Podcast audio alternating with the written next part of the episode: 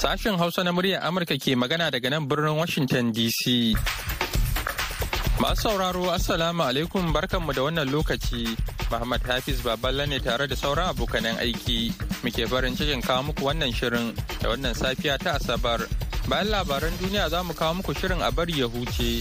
Amma kafin nan ga labaran duniya.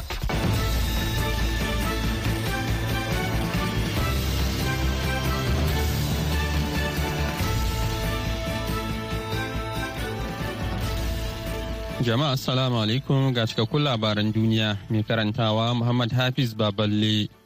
Babban birnin ƙasar Ukraine ya maido da hasken wutar lantarki a mafi yawan sassan birnin jiya Juma'a. Kwana guda bayan da Rasha ta kai hare-hare da makamai masu linzami a faɗin ƙasar, wanda ya lalata kayayyakin more rayuwa da tashoshin samar da makamashi. Shugaban rundunar sojin Kiev, Sarhi Popko, ya ce an maido da wuta da ruwa a babban birnin ƙasar. Amma ya ce kusan kashi talatin cikin ɗari na mazauna birnin har yanzu na'urar ɗumama gida ba ta aiki. Ya ce ana ci gaba da aikin gyaran. Hukumomin ukraine sun ce an maido da wutar lantarki gaba ɗaya a yankin odessa da ke kudancin ƙasar kuma kashi sittin cikin ɗari na mazauna birnin kharkiv na biyu mafi girma da ke fama da ɗaukewar wutar lantarki sun dawo kan layi zuwa je juma'a. Da dai hukumomi sun ce babbar barnar da aka yi wa samar da wutar lantarki na ci gaba da wanzuwa a yankin kharkiv da yawa da kuma yankin jitomir da ke arewa maso yammacin ƙasar harin makami mai linzamin na rasha ya kashe akalla mutane shida a ranar alhamis a ukraine tare da lalata muhimman wurare a faɗin ƙasar wata mahaukaciyar guguwa da aka yi wa lakabi da freddy na kan hanyar sake afkawa gabar tekun kudancin afirka da sanyin safiyar yau asabar bayan da ta kashe mutane akalla 27 a ƙasashen Mozambique da Madagascar tun bayan da ta fara sauka a watan da ya gabata. Daya daga cikin guguwa mafi ƙarfi da aka taba samu a sashen kudancin duniya, Freddy na iya karya tarihin guguwa mafi dadewa a cewar hukumar kula da yanayi ta duniya wacce ta ce guguwar ta kwanaki 31 a cikin 1994 tana riƙe da tarihi na yanzu. An sanya wa Freddy suna ne a ranar 6 ga watan Fabrairu. Kwanaki talatin da uku da suka wuce. Fiye da mutane dubu ɗari da saba'in da ɗaya ne bala'in ya shafa bayan da guguwar ta ratsa kudancin mozambique makonni biyu da suka wuce inda aka yi ruwan sama da ambaliyar ruwa da ta lalata amfanin gona da lalata gidaje a cewar hukumar jin kai ta majalisar ɗinkin duniya ocha hukumar ocha ta faɗa a jiya juma'a cewa adadin mutanen da freddy ta kashe na baya-bayan nan ashirin da bakwai ne. Goma a mozambique da kuma sha bakwai a Madagascar. Iran da Saudi Arabia sun amince su sake buɗe ofisoshin jakadancinsu bayan shekaru da aka kwashe suna zaman doya da manja. Kasashen biyu sun fitar da wata sanarwa haɗin gwiwa a jiya Juma'a dangane da wannan matsaya da suka cimma a wani zaman sulhu da China ta jagoranta. Kafofin yada labaran China ba su ba da rahoton wannan yarjejeniya ba, ko da yake cimma wannan matsaya zai zama abin alfahari ga hukumomin Beijing. Kafofin yada labaran iran sun wallafa wasu hotuna da ke nuna yadda zaman sulhun ya wakana a cana hukumomin saudiya ba su ce uffan ba a lokacin da kamfanin dillancin labarai na ap ya yi ƙoƙarin jin ta bakin su. Labaran yana zuwa muku ne daga nan sashen hausa na murya amurka a birnin washington dc hukumar lafiya ta duniya who ta yi kira ga ƙasashen afirka da su ƙara ƙaimi wajen yaƙi da cutar kwalara. Wanda a cikin shekarar da ta gabata ta kashe sama da mutane dubu uku a ƙasashen afirka sha biyu fiye da rabin waɗanda suka mutu sakamakon barkewar cuta a malawi da ya kafa tarihi. Hukumar lafiya ta duniya da cibiyar yaƙi da cututtuka masu yaɗuwa ta afirka sun gudanar da taron gaggawa na kwanaki biyu kan cutar kwalara a wannan makon a malawi tare da ministoci daga ƙasashen afirka sha huɗu an kammala taron na kwanaki biyu jiya juma'a tare da yin kira ga ƙasashen da su ɗauki kwararan matakai wajen inganta harkokin ruwa tsaftar muhalli da kiwon lafiya tsakanin al'ummarsu.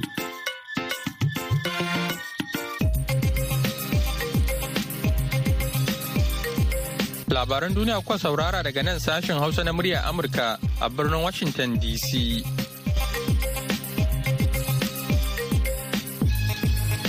Yanzu kuma sai a gyara zama domin jin shirinmu na gaba.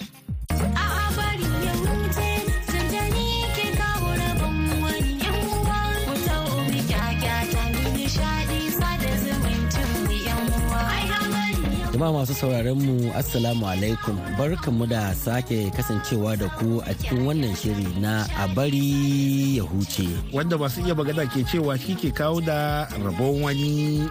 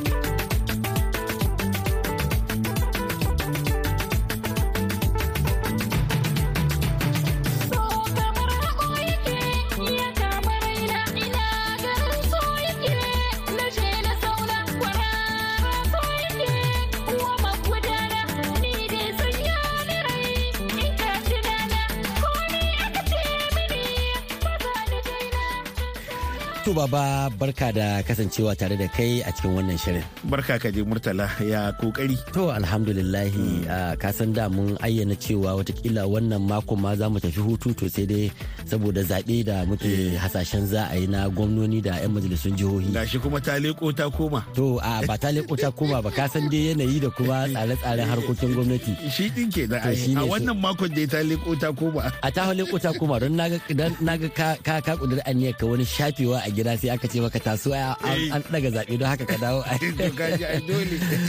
To baba bari mu soma wannan shirin da gaisuwar taya murna da fata alkhairi zuwa ga abokin aiki wato dan jarida kenan Bello Abdullahi Abubakar Jayi na gidan rediyon Bishin FM Sokoto. saboda aure da inda ya angwance da amaryarsa fa'iza murtala auru kaina da fatan Allah ya ba da zaman lafiya da haƙuri a tsakaninsu da kuma zuri'a ɗaya ba. Amin. Haka kuma ga gaisuwar taya murna ga ɗaya abokin aikin wato Musa Yusuf Sanyin nan shi ma ma'aikaci a gidan rediyon Bishin FM Sokoto bisa samun karuwar ɗa namiji da ya samu a wannan makon. taya murna ga uwar gidansa Hajaru Muhammad Lamido da fatan Allah ya raya yaron da aka samu kuma ya ba da wato sauran zuri'a ɗaya ba a kowane lokaci. Amin sun amin. To sai dai wannan sako daga ainihin ƙungiyar jidda ladies da ke birnin accra wato ƙungiyar mata ta jidda ladies kenan a birnin accra suka ce suna yi wa 'yan uwa da abokan arziki wato godiya waɗanda suka zo suka taya su taron murnan maulidi na annabi da suka shirya a birnin accra da fatan allah ya saka da alkhairi kuma allah ya ba da ladan wannan aikin zumunci da aka yi. To amin sun amin. Lalle a kasa an ce zumunta a kafa take. Kwarai kwa. To bari kuma mu yi jaje da kuma ta'aziyya ga Malam Uzairu Hassan Sanyinna wanda Allah ya bashi haihuwar ɗa namiji to amma kuma yaron ya koma. Muna addu'a da fatan Allah ya ba da haƙuri ya kuma ba da wasu rayayyu masu albarka. Amin sun amin.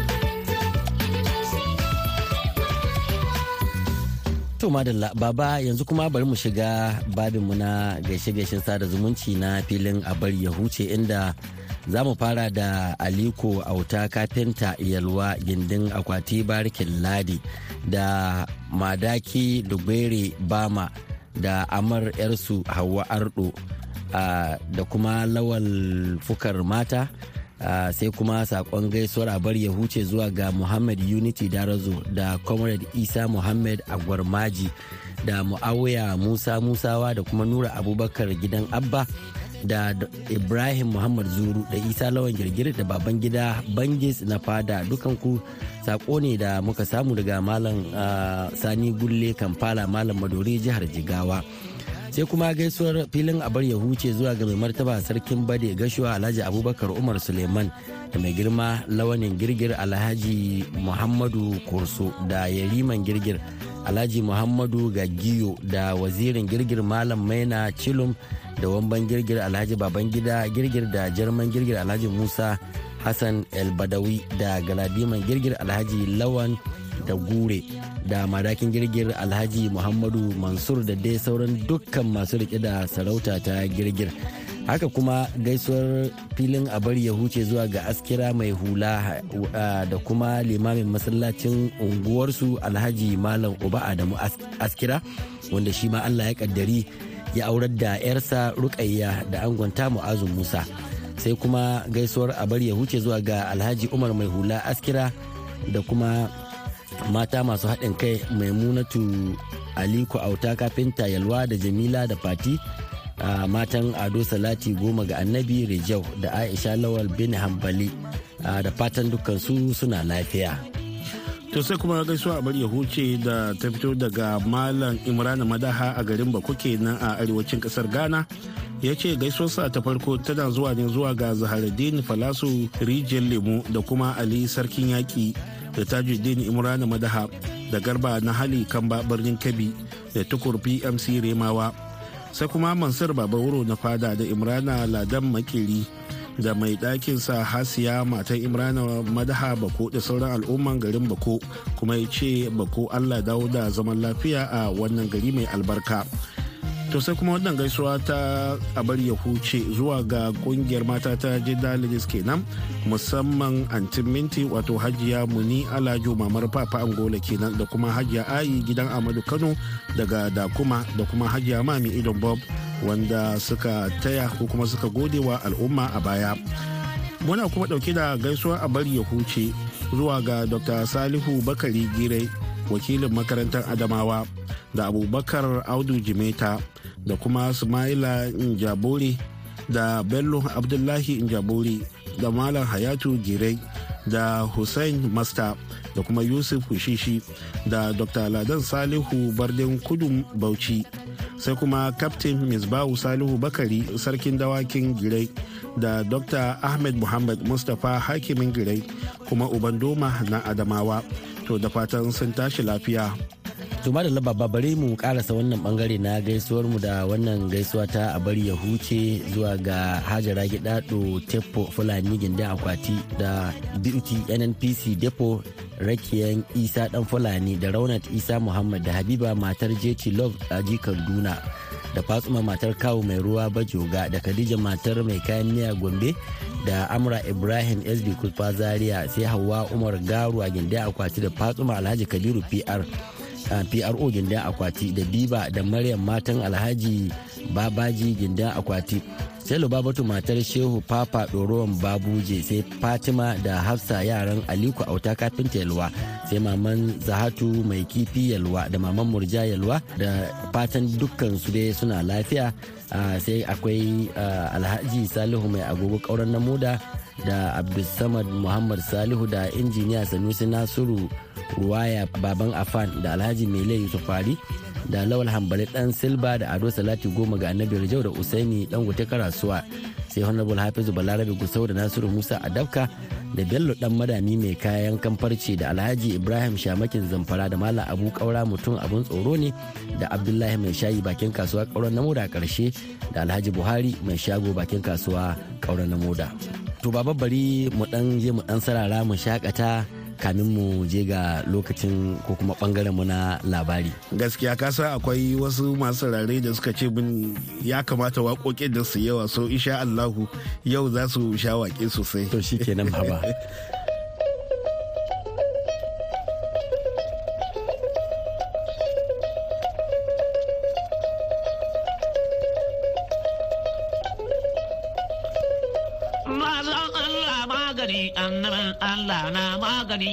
talakawa ma na magani kaga don tilar makula da su. Tun da jirgin birnin Yamani, shi jirgin birnin Ingila, to ja kaɗa da Italiya in yi ɗan kuka ya kajiya. Bakin wallai dangana motocin talakawa suna tsaye tun da kayan su ne ke saya yau idan talaka ba sai kaga kayan sai ya rufe a nan. ka zaga cikin lagos kuma ga batishin ga lainashin ga labintin zabadin an kafa. Haka ke calaran duk sun kafa. Dubi babban kantikin suwai dudan talakawa an ka yi mutukan talakawa sai du waɗannan dolarar da jirgin sama mai rigugin tsiyaka ga shi ma ba zai tashi ba to idan talakawa ya shiga. Shin jirgin ƙasa kajiya dan talakawa an kai dama su ne ke shiga. Sannan zai dawo da su sannan su ne za ya kai. Sannan zai dawo da su mutukar talakawa a shiga. Kaga jirgin ba zai tashi ba.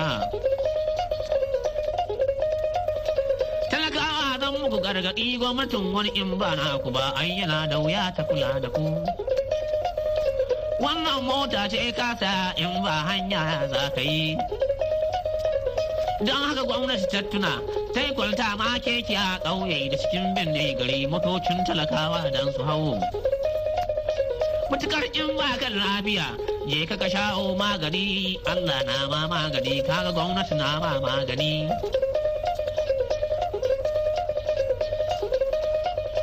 Talakawa shi in kuntuna gwamnati ta yi mana ƙoƙari ga makarantu ta gina sannan ta yi middle school sannan ta yi college school ga university ta mana shauran makarantun nan kasan da 'ya'yan talakawa an kai. Watan watan in kuntuna domin su za su riƙe kasa domin su ne manyan gaba.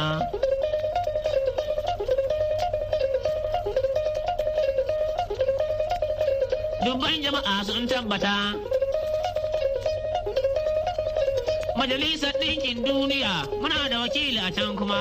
Paris ga ambassador, America akwai ambassador, Rasha akwai ambassador, Italiya ga ambassador, Mexico akwai ambassador, Holland akwai ambassador, German ga ambassador. A aikin talakawa sun ka don su kulla zumunci mu da su.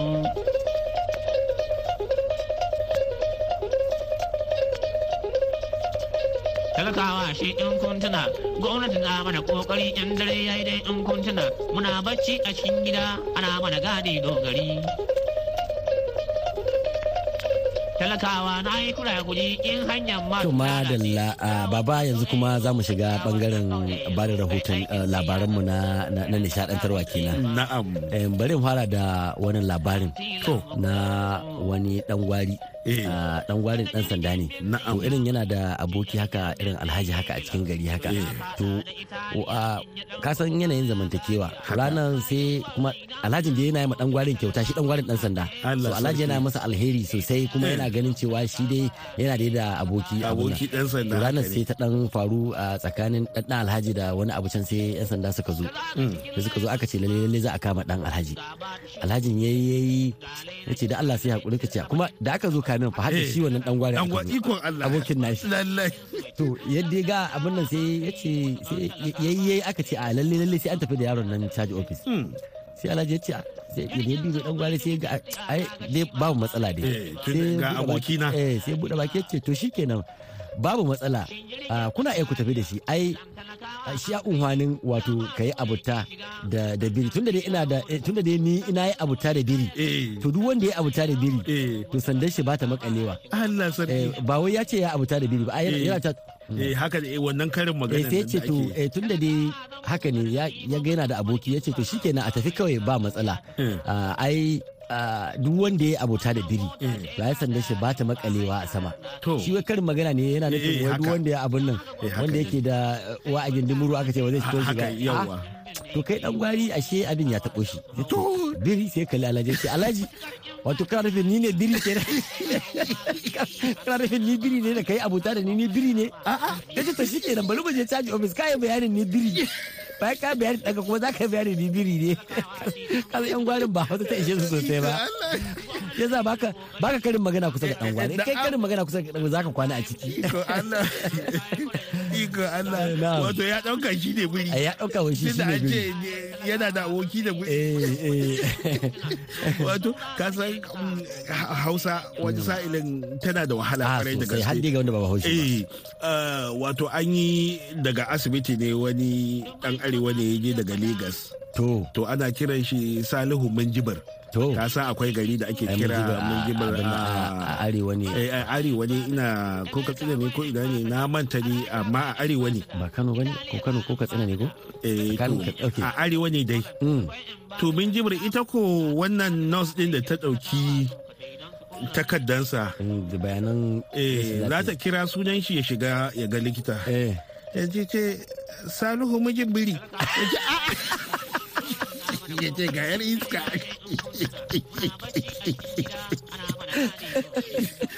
Wai wai mijin biri. Eh wa mijin biri ana mijin biri tana mijin biri Allah sarki. Da baba na ga juli tana daga mana hannu saboda haka a nan za mu dasa aya a cikin wannan shirin sai dai mako na gaba in Allah kai mu a kasance tare da mu yanzu kam. A madadin baba ya ku makeri. Murtala Faruk Sanyin na ke fatan mu kasance lafiya. Assalamu alaikum wa rahmatullahi kuma da fatan mu yi ƙarshen mako lafiya.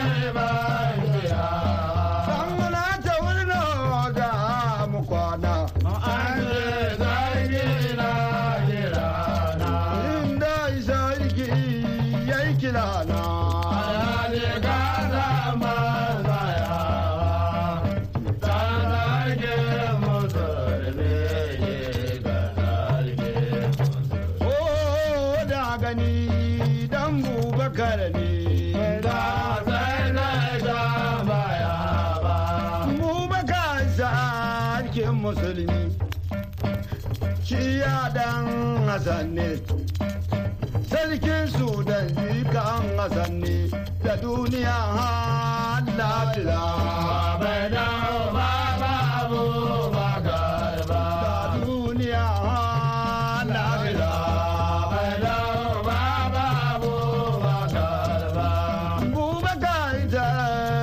Musulmi mai sudan jikan Hassan ne bubakar kuma da Hassan ne da duniya lafiya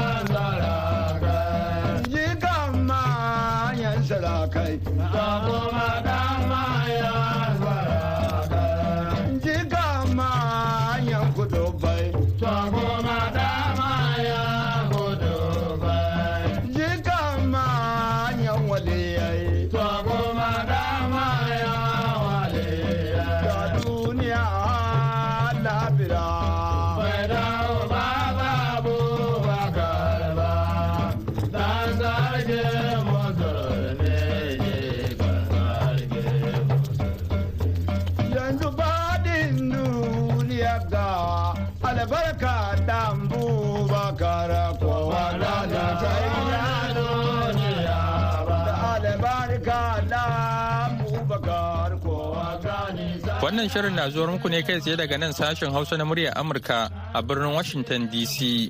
Ga masu sauraron ma jamhuriyar Nijar za ku iya sauraron ma tashar mu ta BOA Africa akan mita 200.5 baya ga haka a koda yaushe ake so za ku iya zuwa shafukanmu na intanet wato a boahausa.com ko kuma sashin hausa.com ko kuma shafukanmu na sada zumunta Facebook da Twitter domin sauraron shirye-shiryenmu inda za ku kuma iya yin tsokaci da bayyana ra'ayoyi. Kuna kuma iya aiko mana da saƙonni ta hanyar imel a sashin hausa at boanews.com da haka ne kuma muka kawo ƙarshen shirin namu a wannan lokaci sai kuma da rana ku ji abokanan aikinmu da wani sabon shirin da ya hada da adawo lafiya shirin da ke faɗakar da al'umma kan abin da ya shafi harkokin sufuri. Za ku iya samun ƙarin haske kan dukkan rahotannin da muka gabatar har ma da ƙari a shafinmu na intanet boahausa.com da kuma shafinmu na sada zumunta Facebook da kuma Twitter.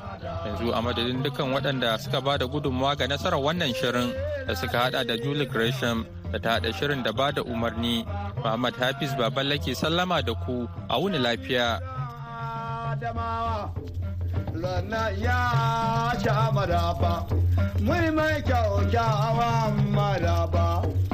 Ya zo wurin yara mai mashi kyaukyawa